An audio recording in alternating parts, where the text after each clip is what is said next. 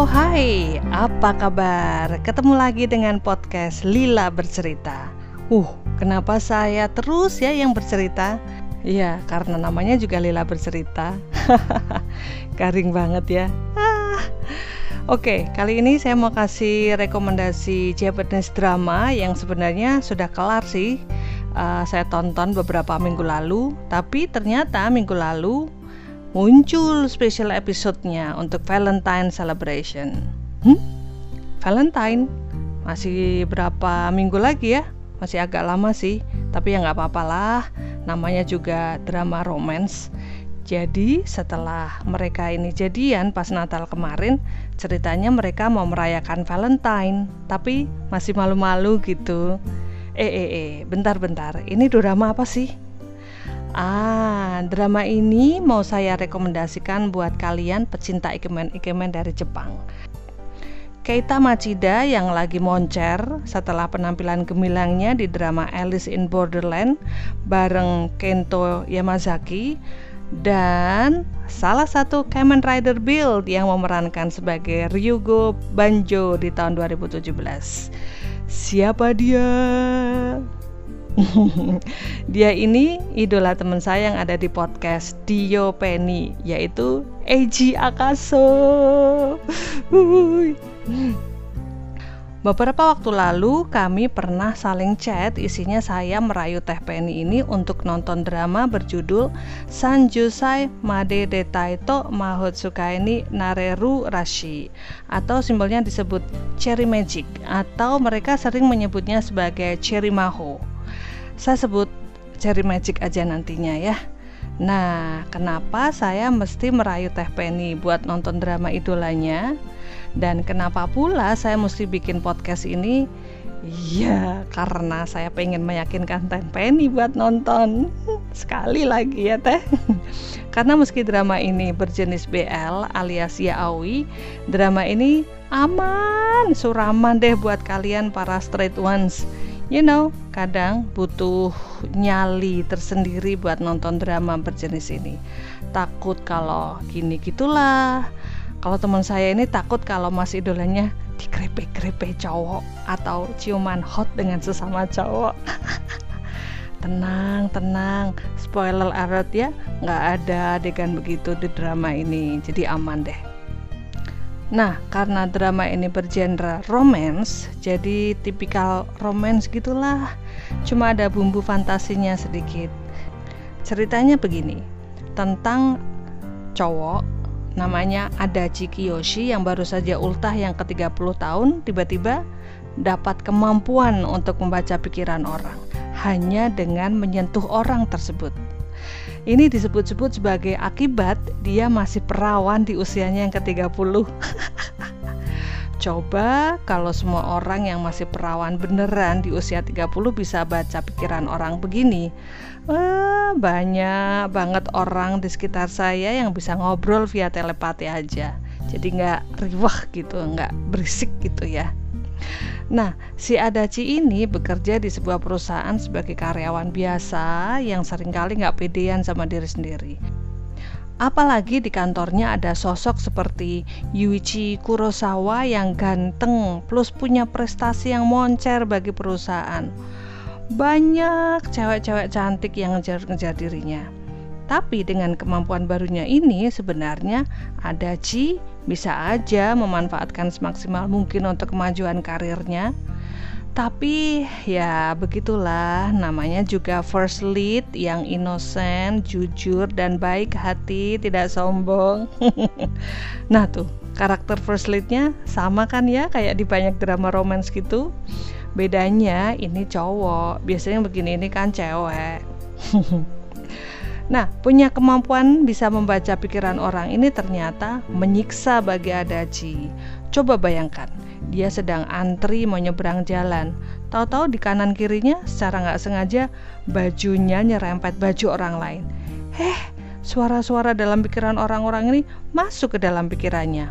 Pusing nggak tuh? Belum lagi kalau lagi dempet-dempetan di lift, dia juga bisa mendengar pikiran orang paling tidak tiga atau empat orang di sekelilingnya. Aduh, ini sih namanya kutukan ya. nah, Waktu desek-desekan di lift ini, secara nggak sengaja, Adachi mendengar suara dalam pikiran Kurosawa yang satu lift dengan dia, yang katanya beruntung sekali bertemu dengan Adachi pagi-pagi. Eh, mepet pula. Hatinya jadi dak-dikduk. ternyata, oh ternyata, Kurosawa ini sudah lama naksir Adachi. Iya, Kurosawa yang ganteng tadi yang sudah saya sebut dan penuh prestasi itu apa nggak linglung tuh si Adachi? Masa iya Kurosawa naksir dirinya? Mereka kan sama-sama cowok Sementara cewek-cewek yang naksir Kurosawa Segitu banyaknya Cerita selanjutnya Ya sebenarnya mirip-mirip sih dengan drama romans kebanyakan Cuma karena pasangan di sini dua cowok, yang satu ngejar dan yang satu masih linglung, tapi berkali-kali salah tingkah karena dia bisa membaca pikirannya, yang nonton jadi hahaha gitu terus. Kalau di drama romance biasa ada skinshipnya, ya yang eh nggak sengaja kesentuh karena ada sesuatu yang jatuh lah atau sekedar menepuk pundak. Nah di sini jadi dua kali histeris yang nonton karena Kurosawa ini suka sekali berimajinasi liar atau ngomong yang enggak-enggak tentang Adachi. Misalnya ya, satu kali Adachi kemalaman dan ketinggalan kereta. Kurosawa menawarkan Adachi untuk menginap. Nah, ketika ia nggak sengaja menyentuh Adachi, yang terlihat oleh Adachi adalah bayangan Kurosawa tentang dirinya yang memakai baju tidur berwarna biru navy dengan wajah imut tidur di kamarnya. Lihat beginian, Adachi takut dong. Nah, tapi sekali lagi aman teh Penny, nggak ada adegan grepe-grepe kok malam-malam. Selain romans, drama khas Jepang tentu saja tentang bekerja keras dan meraih apa yang dicita-citakan. Itu kayaknya tipikal banget ya. Ada Ci yang notabene pekerja biasa, kepengen juga dong punya prestasi. Nah, di sinilah peran Kurosawa dibutuhkan sebagai penyemangat. Dia nggak cuma ngejar cinta Adachi, tapi dia juga ingin Adachi melakukan sesuatu yang bisa ia lakukan sendiri. Menjadi pendukung sekaligus penyemangat bagi Adachi adalah jalan ninja bagi Kurosawa demi meraih cinta Adachi. ya ampun, Kurosawa ini meleleh banget deh sweetnya. Bagaimana ia nyiapin sarapan, nyiapin bento, nyiapin bahan buat presentasi sekaligus trainer buat Adachi presentasi, bahkan membela Adachi ketika ada preman yang nyaris mau mukuli Adachi. oh, ada lagi sebagai perawat bagi Adachi ketika ia sakit. Adegan waktu ia membawa Pong Adachi ketika ia nyaris pingsan, wadidaw, kayak pangeran gendong putri. Terus adegan romansnya gimana dong? Ya, begitu doang. Kencan di amusement park itu lucu sih, naik komedi putar, roller coaster, makan es krim. Ah, gitu deh. Kencan yang sangat normal kan ya kecuali mereka berdua ini sama cowok-cowok ya anggap aja mereka ini kayak bromance gitu loh. Nah ada adegan kisunya kah? Hmm, ada nggak ya? Khusus buat teh penny yang khawatir bibir ada ci kena bibir cowok jangan khawatir teh nggak ada spoiler ya ini spoiler Nah, yang menyenangkan dari drama ini tuh semua karakter adalah protagonis, nggak ada yang antagonis. Jadi nggak perlu dagdikduk ada bandit atau orang jahat kayak di sinetron gitu. Cerita juga mengalir lancar sepanjang 24 menit, pendek banget ya rasanya dan cuma 12 episode. Sayangnya sepanjang yang saya tonton dari drama BL begini, masalah mulai biasanya muncul setelah pasangan ini jalan bareng konflik dari diri sendiri dan sosial biasanya baru muncul. Nah, karena drama ini model happily ever after, ya kisah berhenti setelah mereka meraih kesepakatan untuk mengarungi hidup bersama. Kayak kontrak aja ya, kesepakatan gitu loh. Oh ya, drama ini sebenarnya berdasar manga yang ditulis oleh Yo Toyota Sensei. Mangganya sendiri rilis bulan September 2017 lalu dan dan sayangnya saya nggak nemu manga ini di website mana pun. Jadi saya nggak bisa membandingkan antara manga dan dramanya. Tapi karena dramanya sudah bagus begini dan sudah kelar nggak perlulah nyari manganya. Akting para pemerannya nggak diragukan lagi saya kenal Keita Machida pertama kali di drama Meet Me After School. Wajahnya langsung familiar buat saya. Perannya yang sok cakep di Prince of Legend itu antara kocak dan ngeselin sih. Dan perannya yang loyal pada sahabatnya di Alice in Borderland itu bikin saya sakit hati karena nasibnya tapi tetap saja peran yang cuma sebentar di situ sangat mencuri perhatian. Dan sebagai pacangannya, Eiji Akaso sebagai Adachi Kiyoshi sangat bisa mengimbangi peran Machida. Saya mengenal Akaso ini di Sensei Shiranaino sebagai masalon yang ngejar-ngejar cewek otaku yang bekerja sebagai manggaka. Perannya sebagai cowok maskulin dan lembut bikin meleleh cewek-cewek.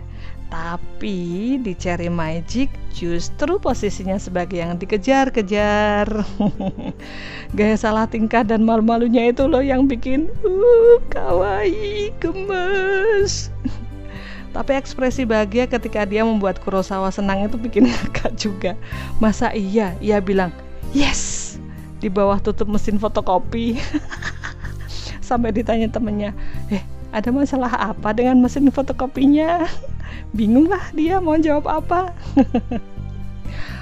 Well, overall, Teh Penny, tontonlah drama Cerik Magic ini. Dulu kan Teh Penny kesel tuh lihat Sakura-chan di Koisudu. Eh, terus jatuh cinta sama dramanya.